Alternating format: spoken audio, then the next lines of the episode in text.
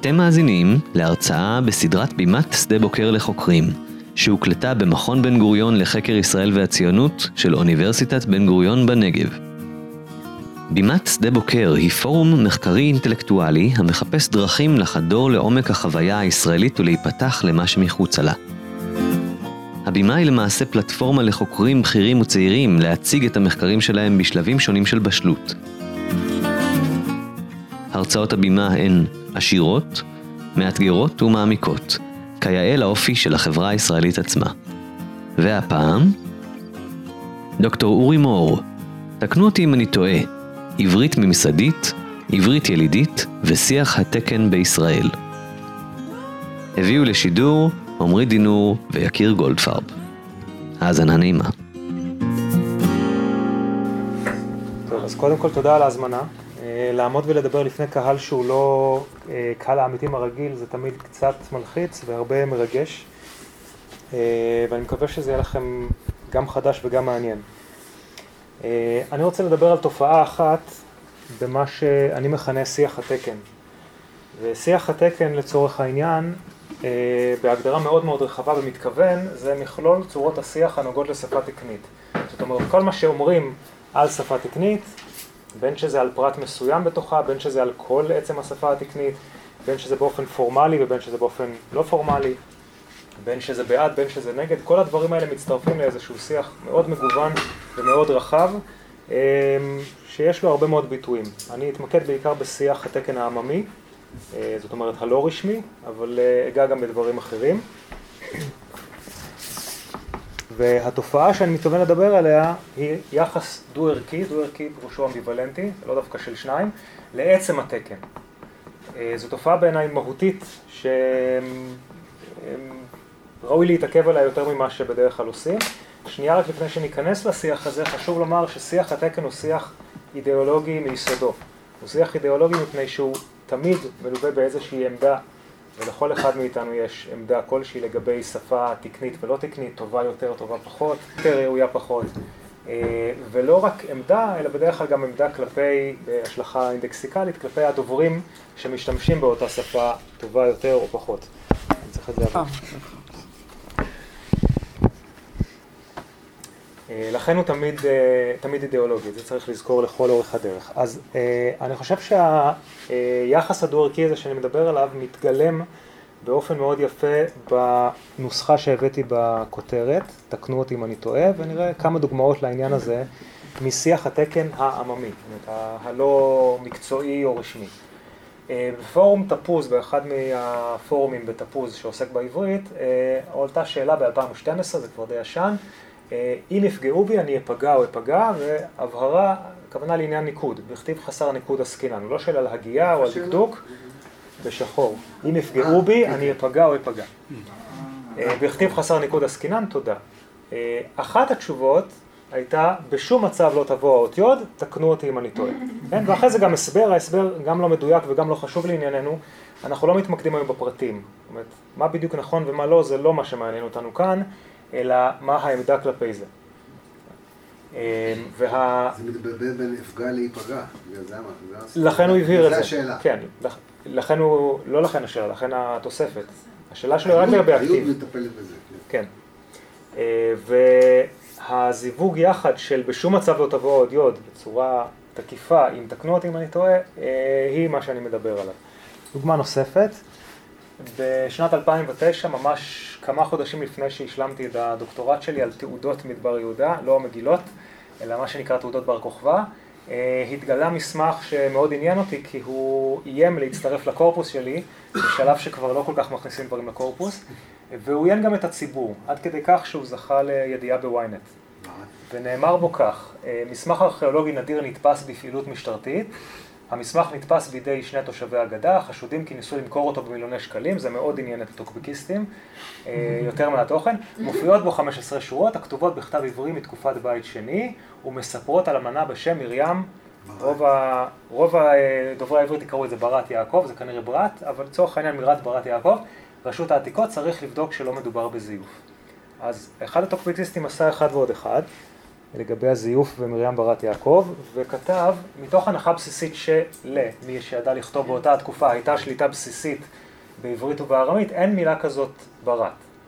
בר הוא בן ובת הוא בת, תקנו אותי אם אני טועה, אני רק לא כאן, בדיוק. לכן הכלל, אם תפתחו ספרי תקנת לשון, תמצאו את האמירה הלא מדויקת, שהנקבה של בר, במובן הזה של able, כן, doable וכולי, אה, היא לא ברת אלא בת. אה, זה לא מדויק כי גם בארמית יש לנו בת, אה, זה דיון לעצמו, אבל הנקודה כאן היא שה... יש גם וגם, זה תלוי באיזה דיאלקט, ארמית היא שפה מרובה דיאלקטים, זאת אומרת מי שאומר ברת לא לגמרי טועה, זה רק כנראה היה ברת ולא ברת, אבל שוב הפרטים הם לא העניין, כן? זה, זה תמיד יותר מסובך ממה שזה נראה, והדוברים מאוד מאוד נוח להם בשורות תחתונות, אל תאמר כך, אמור כך, כן. כי הרגילו אותם לזה. כן? המציאות היא בדרך כלל יותר מורכבת, אבל לא המציאות היא העניין כאן, אלא אידיאולוגיית הלשון.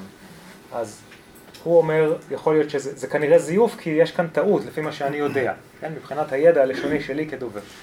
אחת התגובות לזה הייתה, אה, לך ללמוד ארמית עתיקה ואז תבקר, כנראה מישהו שיודע שבארמית עתיקה יש גם ברת, חדל להיות יאיר בבורותך. ענה לו אותו הראשון, אם לא היית כה טיפש ויהיר, היית למד שני דברים. אחת, אני באמת ביקשתי תיקון אם אני טועה, ושתיים, אני לא טועה.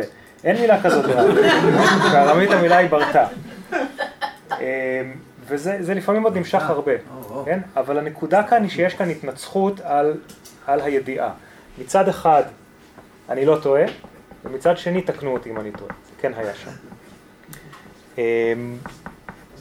דוגמה אחרונה לעניין הזה, גם משיח תקן עממי, בדף פייסבוק, אה, אחת מקבוצות הפייסבוק שעוסקות בעברית, אה, עלתה התלונה הזאת, בפרסומת למפעל הפיס נאמר, אם לא תעשה מינוי לא תזכה. אני לא יכולה לעשות מינוי, אלא מנוי, אין הגעה לשונית בפרסומות שלהם.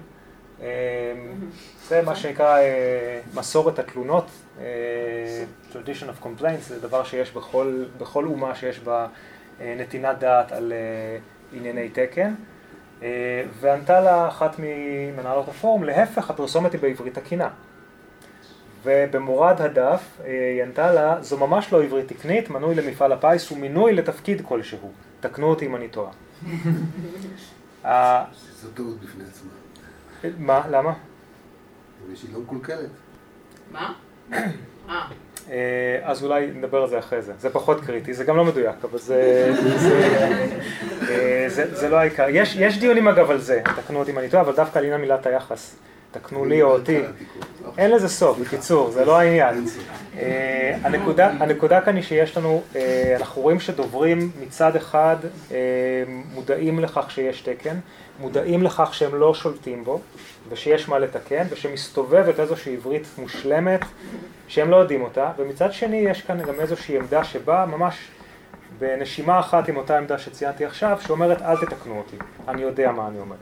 כן? ושוב, וה... הצימוד הזה, אני חושב שהוא ראוי לפחות להתעכבות, כי הוא, הוא לא ברור מאליו, אה, ואני חושב שיש לי הסבר איך הוא, איך הוא צמח, לפחות חלקי.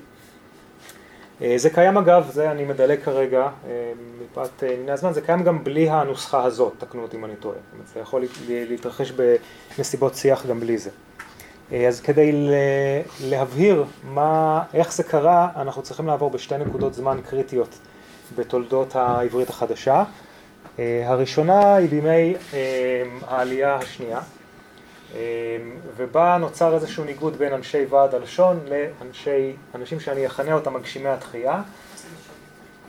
מה זה? תחייה לשונית בכלל. אה, תחייה לשונית, כן, תחיית העברית, נכון. בקהלים שלי אני רגיל לדבר על תחייה, זה תחיית הלשון. אה, אנשי ועד הלשון היו באופן כללי מלומדים מבוגרים, לא אנשים צעירים. אה, רובם בני העלייה הראשונה כמו אליעזר בן יהודה, או בני היישוב הישן כמו דוד ילין. הם פעלו בירושלים, ומה שעניין אותם זה תכנון מערכתי, זאת אומרת איזשהו תקן או איזושהי מערכת חוקים אמ, שיש לה היבט מערכתי, שהיא עובדת בכל הרמות, שהיא מקיפה ושהיא מיוסדת על העבר.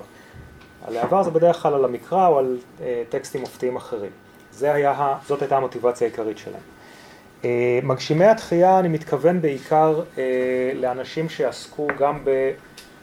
במשימה המאוד לא פשוטה של לקחת את מה שהעברית הורישה לנו, שלא היה מאורגן בצורת שפה אחת, אלא דיאלקטים שונים, רבדים שונים וכולי, אה, לעשות מזה משהו שימושי, לצורך העניין למשל אה, לקבוע איך, אלו, איך נשתמש במונחי החשבון בבתי הספר לצורך העניין, וגם להפיץ את זה, בעיקר דרך בתי הספר.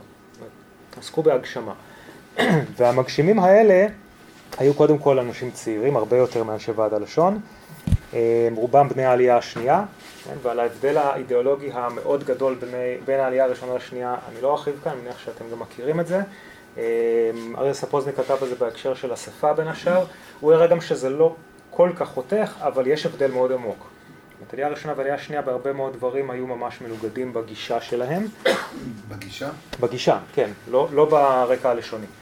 אה, הם לא פעלו בירושלים אלא בתל אביב ובמושבות ומה שעניין אותם זה לא תכנון מערכתי ולא אה, הסתמכות על העבר אלא משהו הרבה יותר ספונטני ועכשיו. אנחנו צריכים מונחים ללמד את הילדים חשבון. לא מעניין אותי עכשיו אם זה כן היה במקרא, לא היה במקרא, כן מתאים למילה שאנחנו נמציא בעוד אה, שבועיים או לא. זו תפיסה אחרת לגמרי של תכנון לשון. אה, ועד הלשון אה, היה לו גלגול מאוד מוקדם בסוף המאה ה-19, אה, שנמשך פחות משנה, ובעצם הוא נוסד ב-1904-1905 על ידי אגודת המורים, שזה מגשימי התחייה, כן? והוא היה תלוי בו, גם מבחינה כספית, ועד הלשון היה תלוי במגשימי התחייה, ועד הלשון היה גוף די קטן. אה, שוב, ישב בירושלים ובעיקרון קיבל כסף כדי להיפגש ולספק למורים מילים. זאת אומרת, הייתה כאן היררכיה מאוד ברורה, וזה יצר אצל אנשי ועד הלשון איזושהי הרגשה ששולטים בהם, שמפעילים אותם, שמצפים מהם לכל מיני דברים מהירים שהם לא רגילים אליהם.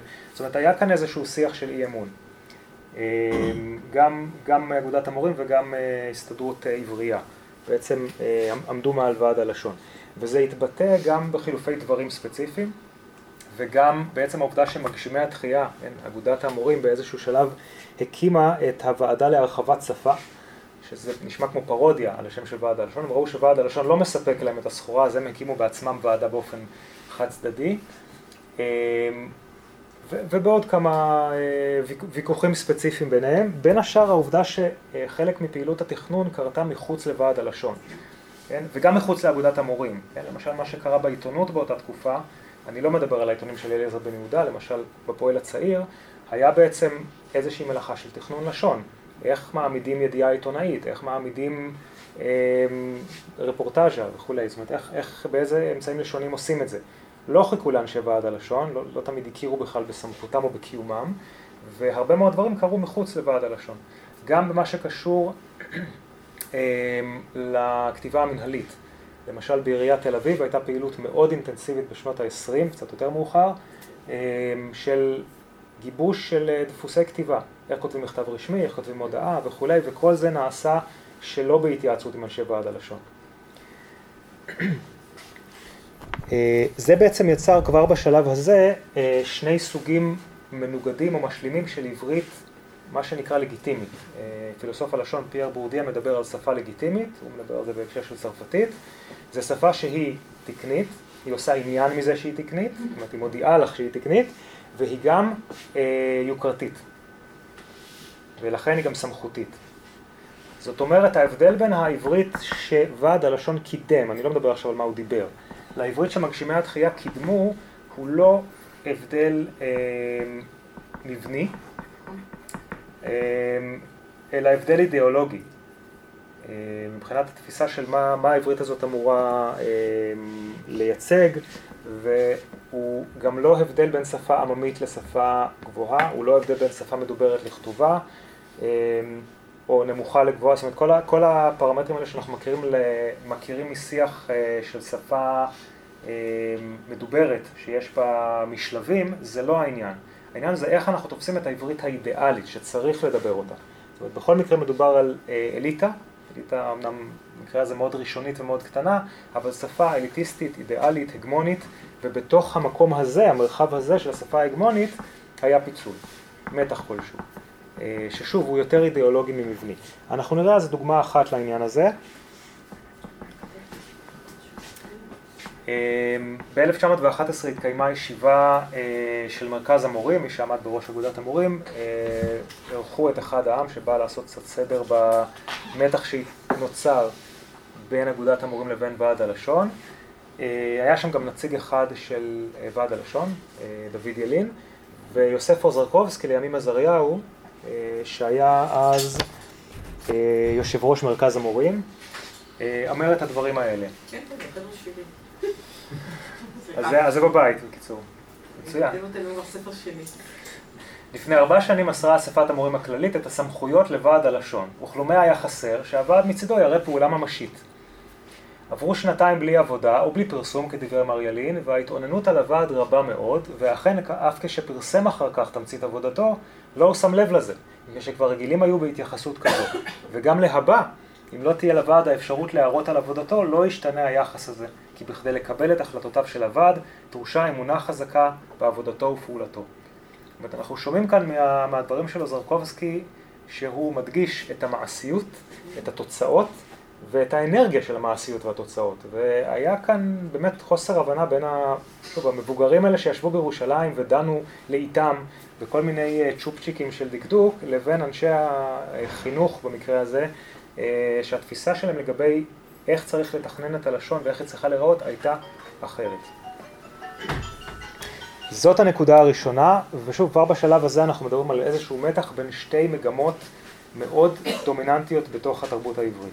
מגמה של שפה מתוכננת, מיוסדת על העבר, לאומית, לעומת שפה ספונטנית יותר, מחוברת למציאות, מחוברת לחיים, מסתכלת קדימה. זה אנרגיות אחרות. במהלך תקופת היישוב קמה שכבה חדשה, הצבר, שלא הייתה לה ממש נראות בתקופת העלייה השנייה, הסתובבו ילדים שדיברו עברית, כבר מימי העלייה הראשונה, אבל הם היו מעטים, הם היו ילדים, והתפיסה הייתה שהם פשוט יגדלו וילמדו לדבר כמו שצריך. במהלך תקופת היישוב, סליחה? יידיש. במהלך תקופת היישוב זה הלך והתברר שזה לא המקרה. זאת אומרת, העברית הזאת הלכה ונשמעה בפי יותר ילדים, ילדים יותר גדולים, ותכף נראה שזה התפוצץ בעצם עם קום המדינה. אז קרו דברים שהפכו אותה, זאת אומרת, אי אפשר יותר להסתיר אותה מאחורי הם ילמדו לדבר טוב יותר. בתקופה הזאת בעצם המתח השתנה, זאת אומרת, המתח שהצבענו עליו קודם זה לא שהוא המשיך, זה לא שוועד הלשון התגלם במבוגרים ואנשי החינוך התקלמו בצברים. הצברים דיברו עברית מסוימת, אנחנו תכף נשמע דוגמה, עברית מסוימת שהייתה לה נראות אחרת והיא לוותה באידיאולוגיה אחרת. וההורים והמורים שלהם דיברו בשפה שממשיכה במידה רבה את מה שההורים והמורים דיברו כבר בתקופת העלייה השנייה. אני כן חושב שהמתח אבל שהיה בהתחלה אה, התגלגל לעניין הזה, זאת אומרת עדיין נשאר הניגוד המפעיל הזה, העסיק מאוד את הדוברים בין עברית שהיא מתוכננת יותר לעברית שהיא ספונטנית יותר. ובעניין הזה אני נסמך במידה מסוימת על מה שאליעזר, לואיס גלינרד כתב לפני כמעט 30 שנה, הוא רק מאוד מאוד הדגיש את העניין של העלייה השנייה, ובתקופת קום המדינה הוא ראה, זאת אומרת זה, לא, זה היה נון אישו מבחינתו. ולטענתי דווקא בתקופת קום המדינה קרה משהו מאוד מאוד חשוב. מי, מי הזכרת? לואיס גלינרד. הוא כתב כמה וכמה מאמרים, גלינרד. אני יכול לשלוח אחרי זה את המקום. אז אם אנחנו מנסים לתת סימנים בשפה הזאת, העברית הממסדית, לה, היא יותר מחוברת לאיזשהו ממסד מתכנן ולא לאנשים, שמייצרת נורמה או סטנדרט פוסקני, פרסקריפטיבי, לעומת העברית הילידית, זה ברור למה אני נקראת ילידית, שמייצרת נורמה אחרת, גם כן נורמה, שוב, זה לא שפה בלי נורמה, זה לא שפה בלי יומרות להיות השפה הנכונה, אבל הנורמה הזאת היא מנהגית ולא פוסקנית. אז אם העברית הממסדית מבוססת על למדנות, ומכאן האוטוריטה שלה, מכאן הסמכות שלה, העברית הילידית צומחת מניסיון. העובדה שככה אנחנו משחקים ומדברים ברחוב, והניסיון הזה לאט לאט קיבל יוקרה משלו, לא רק ככה בהתחלה. ואם העברית הממסדית קשורה בעבותות לעבר היהודי, מכאן נובע עד היום בעצם התקן העברי, אז העברית הילידית מפנה עורף לעבר. לא סתם שהיא לא מתחשבת בו, היא ממש מפנה לו עורף מלבד התנ"ך. התנ"ך היה, הייתה חיבה מסוימת לתנ"ך, אבל לא, לא בתור מודל לשוני דווקא, ואנחנו נראה עוד מעט איך זה נראה. אה, אם העברית הממסדית הייתה מתוכננת, מכוונת לאחידות, זאת אומרת שוב, תפיסה של תכנון לשון, תפיסה מודרניסטית של תכנון לשון, העברית הילידית להפך, היא כוונה להתבדלות, לא עניין את הצברים שכולם ידברו כמוהם, להפך, גם את זה תכף נראה. ועם העברית הממסדית באופן כללי, כמו כל uh, ממסד uh, לשוני, הייתה חרדה באופן כללי מכל שינוי, אה, אז העברית הילידית להפך. היא חגגה את השינוי. כמובן, השינוי שלה, כן? היא הייתה, היו לה הרבה מאוד blind spots, אני לא בא לומר שהיא הייתה אה, פרועה באמת, אבל אה, מבחינת הסטטוס שהיא יצרה לעצמה והתדמית, זה היה תדמית של משהו צעיר וגמיש לעומת החרדה ההיא. וזה אה, בא לידי ביטוי בהבדלים דוריים. עכשיו, אני רוצה להשמיע לכם קטע יחסית קצר אה, בעקבות הספר הזה של נתיבה בן יהודה. אה, מכירים אותו? כן. לא צריך להסביר עליו יותר מדי. הייתה סדרת תוכניות מרתקת ברשת ב'. אה, אהוד מנור אירח אותה ואת גיל אלדמה באולפן, ובאחד הקטעים הוא הזמין לאולפן את מי שהיה מורה שלה לזמרה בגן הילדים, אה, שמואל נבון. נשמע את ה... תקשיבו להבדל בין העברית שלו לעברית שלה, לא רק מבחינת המבנה אה, הלשוני, זאת אומרת לא רק מבחינת המבטא והצורות, אלא גם מבחינת היחס שאנחנו רגילים לתת, או הערכים החברתיים שאנחנו רגילים לייחס לכל אחת מהעבריות האלה. ובין הזיכרונות שלך, מאותם ימים ראשונים אה, לחוף ימה של תל אביב, את מספרת על, אה, על מורה לזמרה מיוחד מאוד שהיה לך, ואני מדבר על, ה, על הסופר ועל המחנך הוותיק ורב הפעלים שמואל נבון. כן. והוא איתנו באולפן, שלום רב לך. שלום, שלום. את נתת לו גם שם מיוחד. כן. זה, האיש הזה מכיר אותי לפני שנולדתי. היה, היו, היו הרבה אנשים באים הביתה, אבל אני זוכרת את נבון יותר. הוא, אתה היית בא תמיד ל... להתייעץ עם אבא על איזה, איך לעשות את הטקס של אה, ט"ו בשבט. באתי להתייעץ ולשאול ולקבוע והייתי שם. והנה היא התרשמה מזה שכשהייתי באה כי תבואו, כי תבון, ונבון, כי נבון בה.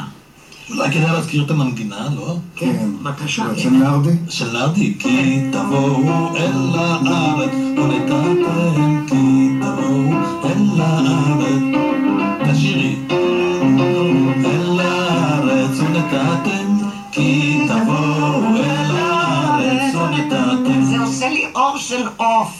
השיר הזה מאז. מה שאתה מספר, זה מדובר שהייתי בערך בשנתיים שלוש, אני היום בת 63, אז מדובר לפני 60 שנה. המעניין הוא שנתיבה ביקשה ממני שאני אשיר שלמד אותה. וכשהיא ביקשה, אתה מוכרח היית לשמוע בקולה. גם היום. כן. ולאחר שחיברתי, היא לא הסתפקה בזה, כי היא שרה. תחילה בישיבה על כיסא, אחר כך היא עמדה על כיסא, וכל הסובבים היו צריכים לשיר, והיא מנצחת עליהם. היא התיישבה על ברכיים, ואמרה עוד פעם. וכשהיא אמרה עוד פעם, היא לא התכוונה עוד פעם אותו השיר, אלא שאני אחזור על כל השירים של שתי החגיגות, ביקורים וט"ו בשבט. אני חשבתי שאני עזרתי לך לבחור איזה שיר לקחת. מה שנשאר בזיכרוני, שהיא הייתה ערה, החושים כולם, מבחינה מוטורית, מבחינה ויזואלית, מבחינה שמיעתית, כמו כן שובבה. אוקיי, אז שוב, אפשר לשמוע מאוד בקלות את ההבדל גם במבטא, כן? כיסאי וגם בענייני דקדוק כמו שובבה, אה, אבל גם את מה שאנחנו רגילים לייחס לזה, זאת אומרת, זה שני מינים. מה זה? שובבה זה אוצר מילים, זה לא כל מילים. לא, אני מדבר על המשקל. לא, לא על הבחירה הלקסיקלית. כי שובבה כן אומרים, אבל אומרים שובבה, לא שובבה.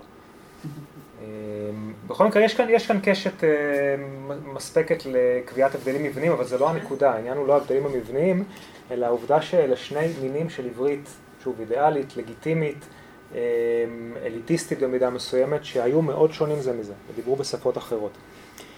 אה, כל זה התפוצץ במידה מסוימת ב-48, זאת אומרת עד 48 העברית הילידית נשמרה כאיזושהי עברית חמודה, מאוד משמחת, הנה סוף סוף יש לנו ילדים שדוברים עברית, אבל היא לא באמת הייתה שפה יוקרתית, בוודאי לא בעיני המבוגרים. וב-48 קרו כמה דברים, אני מדבר עכשיו על ענייני הלשון, כן, ברור לי שב-48 קרו עוד הרבה דברים. אני, אני מכוון לשינוי ספציפי, לכן אני מצמצם את היריעה. כן, השינוי הסקטוריאלי אתני, התרבותי, שלטוני והדורי, שאני מיד אגיד עליהם משהו, יצרו בתורם שינוי נורמטיבי, זאת אומרת שינוי בהקצאת הנורמות בתוך הקבוצה הגדולה של דוברי העברית. השינוי הסקטוריאלי אתני הוא פשוט גלי עלייה מאוד גדולים ששינו כאן את, את הדמוגרפיה. השינוי התרבותי השלטוני זה המעבר מ... תרבות של יישוב ותרבות של מדינה, שאני מניח שבחדר הזה לא צריך להסביר עד כמה זה קורה לי, זה קשור לאיך האינדיבידואל מרגיש בתוך הקבוצה שלו, איך הוא מרגיש ביחס לשלטונות שלה, העובדה שכבר לא מאשימים את המנדט הבריטי, הבריטים, אלא את הישראלים. גם שינוי למשל בתפיסת, בתפיסת הזמן, לחמוטל צמיר יש מאמר מאוד יפה על השינוי בתפיסת הזמן עם קום המדינה, לפני כן זמן דינמי, אנחנו כל הזמן הולכים לקראת מדינה, יום אחד תהיה לנו מדינה, הכל יהיה נהדר, ואז יש מדינה וצריך בין השאר גם לפתוח סניפים של קופת חולים, לא רק לדבר על חזון. וזה משנה מאוד את ההרגשה של האזרח בתוך המקום הזה. ועוד, זאת אומרת העניין התרבותי-שלטוני הוא, הוא רחב, אבל אני לא אכנס אליו יותר מזה. וגם שינוי דורי שחל באותה תקופה, במידה מסוימת במקרה. את הדור של ההורים והמורים התחיל להזדקן כבר, התחיל לפנות את מקומו לדור צעיר, ואותם ילדים שבמשך הרבה שנים לא כל כך הקשיבו להם, פתאום נכנסו לעמדות מפתח. פתאום היו נוכחות שאי אפשר להתעלם ממנה, חלק מהם גם כתבו, יצרו וכולי. זה יצר כאמור שינוי נורמטיבי בשתי החזיתות, בשני המחנות. בעברית הממסדית היה חשש עמוק מכמה דברים. מצד אחד חשש מהעולים החדשים שיביאו איתם מנהגים אחרים, שפה אחרת, כן, נימוסים אחרים. אנחנו מכירים היטב את הסיפורים הזה גם על אה, יוצאי צפון אפריקה ואסיה וגם על יוצאי אירופה. אה, חשש אחר היה מהילדים שלא ממש השכילו מבחינת הדור של המבוגרים להמשיך את המורשת שהם ניסו להנחיל להם. היו הרבה תלונות אז על העברית שלהם ועל הנימוסים שלהם ועל הערכים שלהם וכולי, וזה היה חשש אמיתי. ונוסיף על זה גם את החשש הכללי משינוי שמאוד אפיין אותם, כי הם בנו במשך כמה עשרות שנים, צריך לזכור את זה, תרבות עברית משגשגת. והמפעל הציוני מהבחינה הזאת היה, הגיע לדרגת שלמות שמבחינתם הייתה, מפה צריך להמשיך אותו דבר, לא צריך לשנות. ו-48 מהבחינה הזאת מאוד איימה על זה. וזה יצר איזשהו חישוק שורות. זאת אומרת, גם הטון הלאומי גבר, ובלאומיות, גם אני לא צריך לספר לכם, הרבה פעמים נמצא השילוש של אחידות, זאת אומרת, כולם אותו דבר, מודרניות, זאת אומרת, מדינה ככל המדינות, לאום ככל הלאומים, תכנון לשון, זה מעשה מודרני, אבל מיוסד על משהו אותנטי, על איזשהו עבר משותף שמייצר את ההצדקה. כן, אז, אז השילוש הזה מאוד עבד בשנות החמישים, והפעילות הפוסקנית, כן, של, של אמור כך ולא כך, היא מאוד נמרצת בשנות החמישים. האקדמיה ללשון העברית קמה בזמן הזה. אנחנו רואים פריחה של טורי תקנת לשון וספרי תקנת לשון. יש הרבה הצעות חוק לגבי מעמד העברי, רובן נפלו, אבל עדיין עצם הפעילות הפרלמנטרית הזאת גם מעניינת. יש פעילות מאוד ענפה של מינוח, מינוח גם מדיני וגם צבאי. יש פעילות נמרצת של עברות שמות. זאת אומרת, רואים שם, הרימו את האבק, משהו בתפיסה, גם הלאומית וגם הפוסקנית, רואים שבשנות החמישים היה מאוד פעיל. לעומת זאת, בעברית הילידית פעל חשש קצת אחר.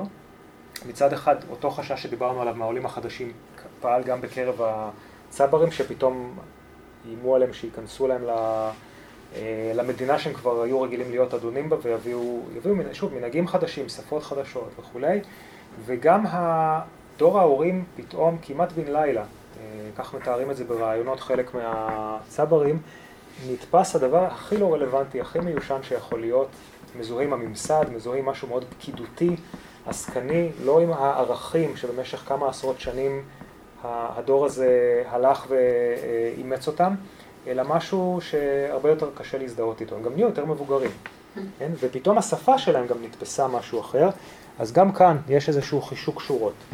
זאת אומרת, התבדלות מצד אחד מדור ההורים, שזה דבר אוניברסלי, אבל כאן הוא באמת היה מאוד uh, בוטה, מהיהדות המסורתית בוודאי, גם לפני 48' היא לא הייתה מועמד אידיאלי, ומהעולים החדשים. כל מי שהיה עולה חדש היה מיד מסומן, וגם יש הרבה מחקר וסיפורים על זה. וזה יצר מבחינה לשונית, כי זה מה שמעניין אותי כאן, אה, מה שנקרא Enregisterment, שזה תהליך, תרגמתי אותו, התייחדות משלבית, אה, זה תהליך שבו איזשהו גון לשון, אומרת אה, קבוצה מסוימת, הופכת להיות מזוהה עם איזשהו גון לשון, הוא מקבל צורה ספציפית, הוא מועלה לדרגה יוקרתית והוא מופץ. זה יכול להיות ללשון עממית, זה יכול להיות ללשון אה, אה, רשמית, כן, זה כנראה מה שקרה ל-Received Pronunciation הבריטי, יש על זה מחקרים, אז פה זה ממש ההפך, זו שפה ממש לא יוקרתית ופורמלית, אבל זה מה שקרה לה כנראה. היא פתאום הפכה להיות השפה שכולם כן רוצים לדבר אותה, השפה שהאנשים הנחשבים מדברים אותה, והיא הופצה. בכל מיני דרכים, מה שלא הייתה לפני כן, למשל בטורים בעיתונות. כן, הכתיבה של אה, אה, דן בן אמוץ ועמוס קנן אה, ואפרים קישון בשנות החמישים, אפרים קישון סיפור קצת אחר, אבל הצברים זה פתאום היה גם להפיץ את השפה הזאת, לא רק לדבר אותה. זה חדשה. מה זה? כן, כן, היה שם הרבה המצאה, נכון. הוא, קישון. נכון, קישון אבל זה באמת סיפור אחר, כי הוא לא היה צבר. כן. נכון. לא. נכון, אבל ההתחזות שלו לצבר הייתה מספקת, זאת אומרת מבחינת המעמד שלו הוא היה צבר אולטימטיבי, כן. אמ, אוקיי, אז, אז זה בעצם הנקודה השנייה. אה, אנחנו נראה דוגמה אחת בעיניי ממש מרתקת שנפלתי עליה במקרה גמור, אמ, ואני חושב שהיא ממחישה בצורה מופתית בדיוק את הרגע הזה. אה, אברהם אריה עקביה היה אה, יליד 1882, הוא עלה בעלייה החמישית, ב-35, זאת אומרת הוא שייך לדור של ההורים והמורים, והוא כותב בדבר, בשנת 54, את הטור הזה. בזאת אני מוסר שיחה, כמעט מילה במילה, יושב בעצם כדי לא להסתיר לך. כמעט מילה במילה, שעינה לי המקרה באלה הימים לשוחח עם ילד, והיא הייתה מאלפת בשבילי עד מאוד. סיבכתי אותך? לא, בסדר. אז לא, אני יכול לעמוד. לא, לא. עברתי על פני שער אחד הבתים ברחוב המלך ג'ורג' בתל אביב, והנה יצא לקראתי ילד כבן עשר, וביקש לדעת מה השעה. שעוני נמצא אז אי שם בתיקי, שהיה מלא וגדוש ספרים וניירות, ולא קל היה לי למוצאו ולהוציאו, אבל מראה פני הילד הנעים ופנייתו המנומסת משכו את ליבי, ועניתי, מאחר שנחוץ לך הדבר, הנני לטרוח ומיד אגיד לך. מרגילות ישנה, ואודה על האמת מכוונה, יצא מפי המילה לך בלמד קמוצה וכף שווית. בזהירות מתוך נימוס, כאילו ירא להעז פנים כנגדי, העיר לי, לך אומרים רק לילדה, ואני הלא ילד. הצצתי בעיניו המפיקות בינה ואמרתי, משבח אני את ידיעתך בעברית, אבל נראה לי כי גם אני יודע קצת עברית, ולכן אבאר לך משום מה אמרתי לך. הוא הציץ בפניי בעין בוחנת, אולי כדי לראות אם איני מן העולים החדשים, שאין לסמוך על העברית שלהם, ואולי רצה להכיר עד כמה אני צעיר או עד כמה אני זקן, ולפי זה יחליט אם אפשר או אי אפשר לו להאמין לי. נראה כי הסקר לא הכניס בליבו אמון גמור אליי, ובכל זאת גבר בו החשק לשמוע את ביאורי. ובכן, אתה יודע מה זה סוף פסוק? ודאי, סוף משפט, מילה שאחריה כותבים נקודה. נכון, ובכן בעברית יש כמה מילים שכשהן באות בסוף המשפט נקודן משתנה קצת, לנוי, ובהן גם המילה לך משתנה ללך, גם לזכר. פני הילד הביעו מבוכה וספק. כפי הנראה הרגיש כי יש איזה ממש בדבריי, אבל חזקה עליו תורת רבותיו וקשה היה לו להאמין לי. לשם חיזוק דבריי הוספתי ואמרתי, אתה ודאי לומד חומש, מקרא? ודאי. ובכן כשתעלה הביתה תדפדף קצת ותמצא את המילה לך כמו שאמרתי. הפעם ענה הילד בתוקף ובוודאות משם אין שום ראייה. מדוע? שם עברית מסורסת. האומנם? שם המון שגיאות, כך דיברו בימי קדם, כיום אין מדברים עוד כך. אולי תוכל להזכירני משם עוד איזו שגיאה? ודאי, הנה שם כתוב שלוש ושמונים, והנכון הוא שמונים ושלוש. אבל חביבי, הביטוי שלוש ושמונים כשר בהחלט, ודווקא משם ראיה. אבל הפעם סירב הילד בפירוש להאמין לי. בינתיים נמצא לי השעון המבוקש, והראיתי לילד בדיוק שתיים, והוא נפטר ממני ומיהר הביתה, ומראהו כגיבור מנצח ניצחון גמור, ואילו אני הבטתי אחריו בבושת פנים, וכולי. הוא ממשיך כאן עוד לגבי אה, דבר אל המורים. אה, אני חושב שהקטע הזה מאוד מעניין, אה, כי הוא משקף נקודה ממש ספציפית שאין לנו אחרי זה. כן. אחרי זה הוא קפץ למים ואמר, הושיעו נא, כן, אם אני טועה. כן, אה, הוא כבר הכיר את הסיפור. כן. אה, יש כאן מפגש בין דורות שהוא עדיין בשלב המלחמה, זאת אומרת הדור השוקע, שעדיין כאן בשלב הזה מדבר בשפה שהוא רגיל לדבר עליה לעמיתים שלו, כי ברור שהוא מדבר לאנשים שסבורים כמוהו שהעברית הטובה צריכה להיות גם שפת המקורות. אה, זאת אומרת, הוא עדיין לא חושש למקומו, אבל ברור לו שהילד הזה, שהוא עדיין רק ילד, אה, הוא מציאות מסוכנת שצריך לחשוב מה איתה. ושימו לב שההבדל הלשוני ביניהם מגיע עד לכדי חוסר הבנה. זאת אומרת, הילד לא מבין מה פתאום הוא משתמש בצורה הזאת. עכשיו, אני לא יודע אם הוא בחר את זה במתכוון או לא, אני מניח שלא, אני לא יודע עד כמה התודעה המגדרית של אריה אברהם הקביעה הייתה גבוהה, אבל כידוע לכם, הזהות הצברית הייתה מאוד מאוד גברית, אה, מאוד מצ'ואיסטית, מבחינת המודלים שהיא שאבה מהם וההתנהגות, אה, בניגוד אגב למה שקרה בימי היישוב, בוודאי בימי העלייה הראשונה, אה, והיהדות, הרי גם בעיניהם וגם בעיני הראשונים הייתה מזוהה עם נשיות, עם רפיון. היהודי החדש שנמצא בארץ ישראל היה יהודי גברי, מסוכס, מאוד לא יהודי גלותי. ובדיוק על העניין הזה עומד ההבדל בין לך ללך. כן? כי צבר לא היה נתפס אה, כשאפשר לחשוד בו שהוא מתכוון לזכר ואומר נקבה. הוא היה מתעצבן גם הפוך. גם זה עדיין עומד על עניין אה, גם של... ילדה שאומרים לו לך. זה עדיין מין דקדוקי אבל. כן. כן? זאת אומרת, זה, קטגוריה מאוד מאוד טעונה, זה מה שאני אומר, אבל זה בונוס, אני לא חושב שהוא התכוון לזה. אמ, זהו, אז זה, זה לגבי הקטע הזה, אני חושב שהוא, שהוא מאוד, מאוד אמ, מסגיר משהו שהיום קצת קשה לראות אותו. אה, כל זה יצר לימים איזושהי חלוקת עבודה. זאת אומרת, עכשיו סיימנו עם שתי הנקודות שדיברנו עליהן, ועכשיו אנחנו עוברים למה שקרה מאז. העברית הממסדית התגלגלה אמ, ללשון שהיום בעצם הקיום הכמעט יחיד שלה הוא בחדשות. לשון החדשות אנחנו שומעים אותה, אבל שומעים אותה גם בנאומים, גם בטקסים, גם בספרות באופן חלקי. עד לפני כמה עשרות שנים זאת הייתה הלשון ששלטה בספרות היפה. היום יש אופציות נוספות, וגם בשידור היא הייתה הלשון היחידה. היום בעצם המקום היחיד שהיא ממש מחויבת בו זה החדשות של כל ישראל, או התאגיד. ודיברנו קודם על העניין האידיאולוגי, אז העמדה האידיאולוגית שבבסיס התפיסה הזאת, בבסיס הלשון הזאת, אה, היא עמדה לאומית, מטבע הדברים, אה, ממסדית ולא של אנשים חיים, ציונית במובן זה שהיא חוזרת לעבר, כן, כל התפיסה הזאת של העברית הנכונה, העברית של פעם, זו תפיסה ציונית שאנחנו יודעים שהיו גם תפיסות אחרות, אה, שהלשון הנכונה בין הערך לאומי מאחד. העניין של האחדות כאן חשוב, שוב, האותנטיות וכולי. אני מדגיש רק שוב שההבדל בין מה שאני מציג כאן למה שאני מיד אציג הוא לא הבדל מבני. העברית בתקופת, כבר בשנות החמישים הייתה מיוצבת. העברית המדוברת בוודאי, העברית הכתובה במידה מסוימת. ההבדלים ביניהם לא היו מבניים, לא הבדלים ב, לא יודע, מערכת הבניינים או ב, אה, בתחביר. היו הבדלים כאלה גם, אבל ההבדלים העיקריים היו במשמעויות האידיאולוגיות והחברתיות שמייחסים למי שמדבר עברית כזאת ומי שמדבר עברית כזאת. דוגמה לזה, סתם דוגמה אחת מ-2006, יש דוגמאות חדשות יותר וישנות יותר. אה, טקסט שנקרא חזון העברית הרזה של שושנה ויג ובלפור חקק. אה, מתברר שהעברית לשוננו הלאומית שהחייאתה הייתה משאת נפשנו במשך שנות הגלות, הולכת ומדלדלת וכבר יש סופרים ועיתונאים אשר הפכו את חזון העברית הרזה ליעד נכסף ואולי אפילו למשאת נפש. דווקא אותם יוצרים ועיתונאים הכותבים בעברית שורשית, בבחירה לא מקרית, ששפת הדורות מתנגנת בה מוצגים כאנכרוניסטים ונלעגים, הכפותים בעבודות העבר ואינם יודעים לזרום עם השינויים. שימו לב לקוד סוויצ'ינג עכשיו.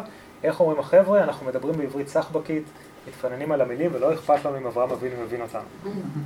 שזה טקסט שהיה יכול להיכתב 40 שנה לפני כן, באותה מידה, זה מדהים. אותם, אותם אה, אה, אמצעי לשון אפילו. מתפננים?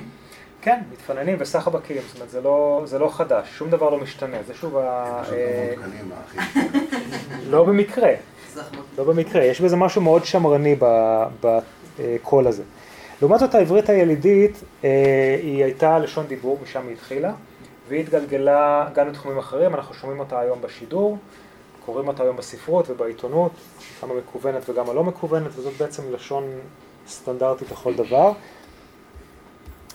אה, והעמדה המזוהה הייתה עמדה אינדיבידואליסטית, לא אה, ממסדית ועממית, אה, לא פורמלית, שמבחינתה העברית הממסדית, זאת ששומעים בחדשות, היא לשון מלאכותית, מיושנת ומתנשאת. זאת אומרת, היא לא סתם לא רלוונטית, היא מרגיזה. ואנחנו נראה דוגמה אחת לזה, יש לי עוד דוגמה מאוד יפה, אבל אני לא חושב שיהיה לי זמן, אז אם בזמן הדיון תרצו אני אתעכב עליה.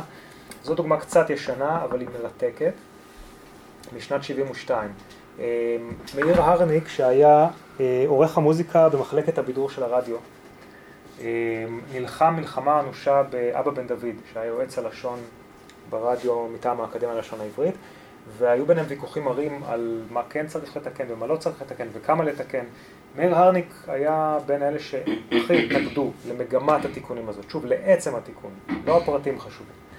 ובאיזשהו שלב הוא החליט להתפטר, הוא גם נפטר אה, כמה שנים, לא, לא רבות אחרי זה, אה, והוא קרא לטקסט שהוא פרסם הצבא הרדיופונית והוא מסכם אותו ככה, ולסיכום העגום, אין לי כל אשליה שהמצב ישתפר בעתיד, בוודאי לא כל עוד יהיה לרשות מונופול במדינה וליועץ הלשוני מונופול ברשות. יקרו לדעתי שני דברים, הקשיבו היטב. שפת השידורים תזדכך ותיטהר ותגיע במהרה בימינו לפסגות הקסם והמשיכה של שפת רשומות והמליץ, כן? הוא בחר באלה פשוט כדי לשקף שפה שלא מחוברת לעולם. כן? באותה מידה יכול להיות uh, דברים אחרים. במליץ יש הפרש זמנים ביניהם. גם uh, משלב, אבל זה בכל מקרה שפה מאוד משלב. מאוד גבוהה. זה, זה מה שהוא התכוון, כי גם במקום המליץ זה יכול להיות השילוח או משהו כזה. אבל שפה רשמית לא, לא מחוברת לחיים, שפה כן. לא חיה. באותו זמן תצמחנה שתי שפות עבריות, זו היפה לשימוש במיקרופון הפתוח ולשון בני אדם שמדברים בה כשנסגר המתג. Mm. וכך נגיע בעזרת היועץ והאקדמיה בעתיד הלא רחוק למצבה המאושר של הערבית היום, הוא מדבר על דיגלוסיה, על השימוש בשפה אחת לנסיבות מסוימות, שפה אחרת לנסיבות אחרות, ממש שתי שפות שונות. תחזיות אלה כנראה שאינן מדירות את שנתו של איש ברשות, הנה יחדל גם סוף סוף מאיר הרניק לעשות גלים, ואז יישאר לפחות הפה בחוץ ושלום על כל ישראל. ומה ש... אני חושב שהוא הגזים, כן? אני לא חושב שהייתה כאן סכנה של דיגלוסיה, אבל אני חושב שעצם העובדה שאדם בכיר ברשות השידור קם ואומר, העברית שאני מדבר בה ורוצה לשדר בה היא לא העברית שאומרים לי לשדר בה, היא עובדה שלא צריך להתעלם ממנה. יש כאן פיצול דיגלוטי, גם אם לא דיגלוסיה ממש, ועל. הפיצול הזה בדיוק אני מדבר. המתח הזה שכל הזמן מרחף כאן בין אה, לשון מתוכננת ומחוברת לעבר לבין לשון ספונטנית אה, שלא רוצה שיתקנו אותה. אה, זאת הדוגמה השנייה, זה פוסט של אה, אורטל בדיין, אם תרצו אני ארחיב עליו אחרי זה, זה סיפור אחר לגמרי. אמ, המתח הזה שאני מדבר עליו הוא לא מיוחד רק ללשון. זה מתח שאנחנו מוצאים בהרבה זירות תרבות ובהרבה מדיומים. אמ, אני חושב אבל שהוא מאוד רלוונטי בין השאר כי עובר דרך הלשון, אז רק לצורך המחשה, וכדי לא להישאר כבולים ללשון, אה, תחשבו למשל על ההבדל, מי שזוכר, בין הימים הטובים של ערוץ אחת, שהיה ערוץ כן, ממלכתי, אה, מעשיר, כן, חלק מהתוכן שלו היה העשרה אה, ונלוותה לה גם שפה מסוימת, לעומת ערוץ 2, לפחות בתחילת דרכו, שמיצב את עצמו בדיוק ההפך, ערוץ צעיר, שובב, שגם מגיע עם שפה אחרת. היום כן, כל הסיפור הזה אנכרוניסטי, אבל בתקופה ההיא, בסוף שנות ה-80, זה היה מאוד מאוד רלוונטי. או למשל על ההבדל בין אה, כל ישראל לבין אה, גלי צה"ל, שלפחות תקופה מסוימת, שם קרו הדברים שהצעידו את לשון השידור לשפה הרבה יותר זורמת וחיה, למשל מה שקשור למבטא הרייש, אמ, ובכל ישראל לא, זה לא יכול לקרות שם. וגם מה שקורה בישראל בתקופת אה, יום הזיכרון וטקס הדלקת המשואות בהר הרצל, שזה הכי רשמי וכבד ופורמלי שיש, כולל השפה שנלווית לזה, לעומת החגיגות של יום העצמאות, שזה הכי עממי ולא רשמי שיש, ומבחינת כל אזרחי ישראל, ברור שהדברים האלה הם יחד חלק מאותה מהות. זאת אומרת, זה וזה יחד מרכיבים את הישראליות. זה לא שהישראליות היא זה או זה. כן? יש כאלה שאוהבים את זה יותר או את זה יותר, אבל ברור שיש כאן איזשהו יחד. אה, ואם אנחנו חוזרים ל... ל... זה היה חיפוש ארוך ביוטיוב. אה, אם אנחנו חוזרים לעניין הזה, אז מה שאנחנו רואים כאן אה, זה שיש כאן שתי תפיסות מודרניסטיות, אידיאליסטיות, אליטיסטיות של עברית אידיאלית ושל זהות אה, ישראלית אידיאלית. מצד אחד אתם לא תגידו לי מה לעשות, ומצד שני תקנו אותי אם אני טועה. עכשיו, השאלה האם המצב הישראלי הזה הוא מצב אה, טבעי או לא, מוכר או לא, האם הוא קיים באומות אחרות, התשובה היא כן ולא. אה, בדקתי קצת אז מה קורה במקומות אחרים, זה לא כל כך פשוט למצוא, אבל מצאתי. ומתברר שיש בשפות שנקראות, אה, רגע, שלא תהיו בזה עדיין, אה, בשפות שנקראות אה, late dialect selection. כן, late dialect selection, זאת אומרת, זה שפות שבהן התהליך של הבחירה של הניב היוקרתי קרה יחסית מאוחר. בניגוד לשפות כמו צרפתית, אנגלית, דנית, אה, פולנית, שבהן זה קרה מוקדם בתולדות הלאומיות, בשפות שזה קרה מאוחר, זה בעיקר שפות במזרח אירופה, הייתה, הפעילות הפוסקנית שם נראית קצת אחרת. כן? ושם אידיאולוגיות הלשון קצת דומות למה שקורה בישראל. אז למשל במאמר על אה, מה שקורה בליטא, כן? ששם אגב מקבלים, אה, זה מאמר שמראיין אה, אנשי שידור. ובליטא מקבלים קנסות על אה, שפה לא תקנית בשידור, קנסות לא נמוכים. Um, ואחד המרואיינים אומר, I've never, uh, I never had such aspirations to speak excellently. Of course, I think I need to correct my language in some cases, to correct accentuation, some forms, but on the other hand, I'm not sure I know what's excellent in language. And I really don't want to be among those who speak excellently and are bothered by their language, by their own language. זאת אומרת, מצד אחד יש כאן, אני יודע שאני צריך לתקן, אני יודע שאני מדבר בשפה לא נכונה, אבל אני מדבר בשפה לא נכונה. ויש לזה ערך, יש לזה תפקיד, זה לא רק uh, defiance. ודוגמה אחרת של אדם אחר, I use many slang words. Which you ostensibly shouldn't use, but which are easily understood by everybody, and I don't know why we must avoid them. זאת אומרת, יש דמיון, מה, מה לדעתכם ההבדל בין זה למקרא הישראלי? יש לכם השערה? יש פחות, אה, אה, יש פחות רמה ארכיטקטונית באנגלית בשקספיר, אין, אין מוסדות ש... מהסוג של ועד הלשון. לא, זה לא אנגלית, זה ליטאית. הרעיון להתקיים באנגלית. אה, שאלתי אם אתם מזהים פה איזשהו הבדל בין אה, מה שישראלים שראינו כותבים על עברית. העניין של הסלנג? אה, לא, ישראלים מדברים על סלנג. יש משהו שהוא מדבר על זה שאחרים מבינים אותי ו... לא, זה יש גם בעברית, פשוט לא היו דוגמאות לזה. אז תחשבו על זה רגע, כן? קיצצתי בדוגמאות. כן? בגלוטו-קרונולוגיה של סוואדש ניתוח השפות האירופיות, מסתכלים כל הזמן על העבר ועל קצב השינוי. כן. כל מה שהיה לטינית בשנת 2000, היום זה רומנית ופורטוגלית וספרדית וצרפתית, איטלקית, רובנש בשוויץ. מסתכלים אבל על קצב השינוי ובודקים, לסוואדש היה מודל של 100 מילים, גלוטו כרונולוגי. כן. מליבי אה, לא משתנות לעומת מונחים שכן משתנים. כאן לגמרי מדובר על התחדשות. כאן איפה? בעברית? בעברית. כן. על אה, גישור על הפער.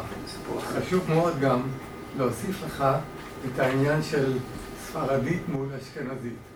כן, נכון, נכון, נכון, אני אגיע לזה תכף. אמ, זה, זה נכון, זה באמת הבדל רלוונטי, אבל לא כל כך נוגע לאידיאולוגיות לשון, כי הדוברים לא כל כך מודעים לזה. זה הבדל שהוא מאוד חשוב במה שנוגע להבדל בתכנון, בתכנון הלשון, אבל לא באידיאולוגיית הלשון. אז תחשבו על זה עוד רגע, נראה עוד דוגמה. זה מלטביה. מה שקורה שם זה די דומה, וכותבת החוקרת, a, certain paradox or quite logical phenomenon was observed in the response to a questionnaire used in a social linguistic survey in 2008. The majority of my 150 respondents replied positively to the question whether they are annoyed by incorrect language in other people's usage. However, to the question, do you think that many people in Latvia are worried about the issues of language usage and correctness? Most of them replied negatively, mm-hmm. adding that nobody is worried about language correctness anymore or similar comment. זה עמדה אחת. Alternatively, and often falling into the opposite extreme, many people today support the view that in a contemporary democratic world, it is everyone's own business how they talk, and that commi- committing language errors is part of the freedom of speech, not to be impeded by linguists, educators, editors, or any other authorities. זו העמדה השנייה, ושימו לב שמוזכרים כאן בלשנים, כן, וזה דבר מעניין, אה, שגם בארץ הרבה פעמים מייחסים לבלשנים, שהם בעיקרון, רוב הבלשנים שתשאלו אותם. יבוזו לעברית התקנית, כן? יגידו לכם שאדם צריך לדבר כפי שהוא רגיל. יש על זה שיח פנים בלשני, לא ניכנס לזה כרגע, אבל העובדה שמייחסים לבלשנים אה, איזושהי הקפדה על לשון תקינה, מאוד דומה בשני המקרים. הסיבות שונות, אבל זה דמיון מעניין. כן, כששומעים שאני בלשן, תמיד אומרים, אז אנחנו לא נעשה, לא נדבר כדי שלא נעשה כמו שוטר לידך." בכביש. כן. כמו ניידת כן, בכביש. וזה ממש לא נכון. אין עבירות תנועה. אה, אז קודם כל, מה הדמיון ללשונות האלה של late dialect selection? אה, קודם כל, כמו שראינו, יש כאן יחס דו-ערכי לתקנת לשון ולמתקני לשון. מצד אחד יש כאן הכרה בסמכות שלהם, ולא רק בגלל הקנסות. זאת אומרת, שומעים את זה מהרעיון. יש כאן, יש ערך לעניין הזה של שפה תקנית, ומצד שני, אנחנו נדבר כפי שאנחנו רגילים, מותר לנו. ולא רק זה, אלא גם מבחינת ה... אה, הלבשה המטאפורית של זה, הניגוד הסימבולי הזה בין לשון טבעית ללא טבעית מוצג באמצעים מטאפוריים של חיות ושטף לעומת רשמיות וקיפאון. זאת אומרת, שפה מתוכננת או שפה תקנית היא בדרך כלל מזוהה עם משהו רשמי, קפוא, לא חי, לא מחובר לעולם, לעומת שפה טבעית או ילידית שהיא מזוהה עם, עם החיים, שזה כמובן דבר אה, חשוב. ואני תכף אגיע להבדל. המסקנה, וזה בעצם הדבר הכי חשוב שאני רוצה לומר כאן, זה שהלשון הממסדית, כן, אה, הנורמה הפוסקנית, זאת שסביבה הדברים האלה מתארגנים, היא בעצם עושה כל הזמן שני דברים בעת ובעונה אחת, שיש ביניהם מתח. היא גם ביטוי רצוי לזהות לאומית יציבה, כן, מי לא רוצה זהות לאומית יציבה? האזרחים רוצים לדעת שהשפה היא, היא דבר שאפשר לסמוך עליו ושמבטא אותה, אבל היא באותה נשימה גם התערבות ממסדית בלתי רצויה בחיי הפרט. כן? כי אם יש איזשהו תקן שעל פיו אנחנו צריכים לדבר, אז מתערבים לנו באיך שאנחנו מדברים. אה, ההבדל שבכל זאת יש בין המקרים של אה, מזרח אירופה לבין העברית שלנו, לדעתי הוא העובדה שהלשון, לא הממסדית, אלא העמדה ההפוכה, אה, הפכה להיות עמדה יוקרתית, לגיטימית. זהו, תודה רבה.